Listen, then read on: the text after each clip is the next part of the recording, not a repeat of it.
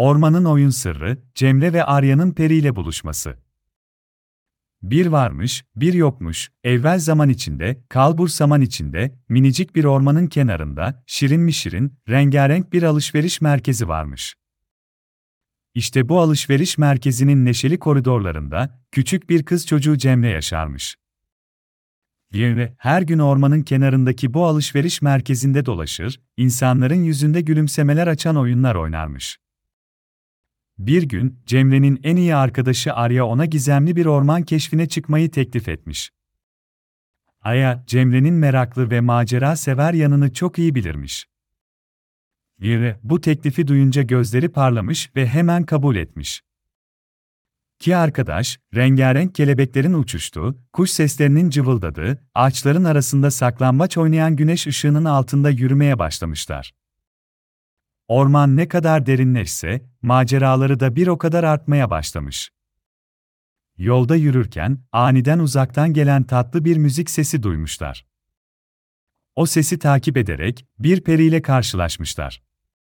Peri, renkli kanatlarıyla havada süzülerek onlara doğru yaklaşmış ve gülümseyerek selam vermiş.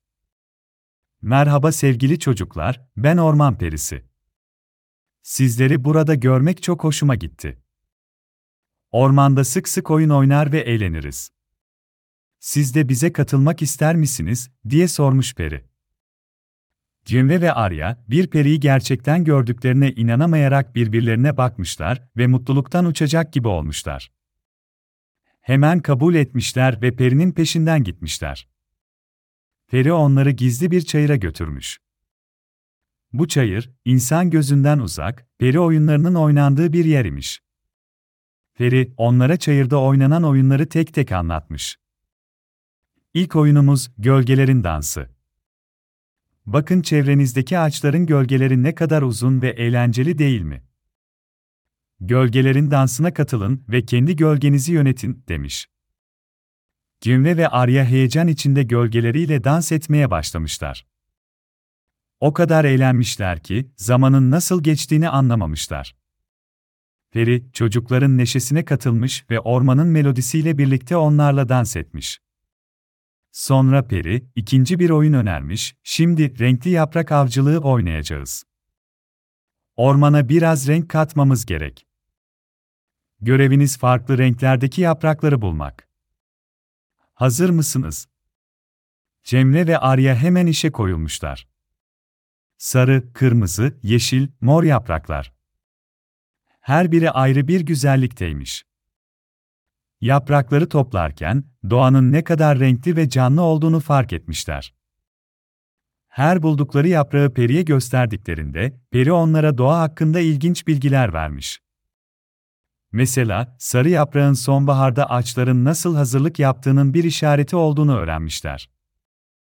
Eğlence ve öğrenme bir arada devam ederken, güneş batmaya başlamış. Peri, onlara ormanın sırrını fısıldamış, bilir misiniz, asıl sihir dostluk ve merakta gizlidir. Sizler bu ormana dostluk ve merakla geldiniz ve ormanın sırrını keşfettiniz. Cemre ve Arya, Peri'ye teşekkür etmiş ve vedalaşmışlar. Peri, onlara ormandan ayrılmadan önce birer hediye vermiş, büyülü bir çiçek ve bir şişe dolusu ormanın taze havası.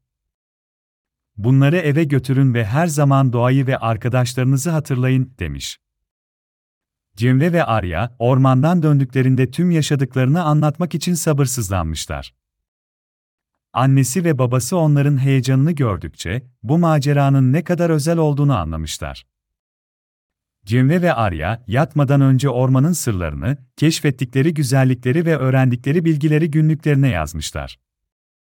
Öyleyse, unutmayın çocuklar, ormanlar sadece ağaçlarla dolu değil, aynı zamanda dostluk, merak ve macera dolu yerlerdir.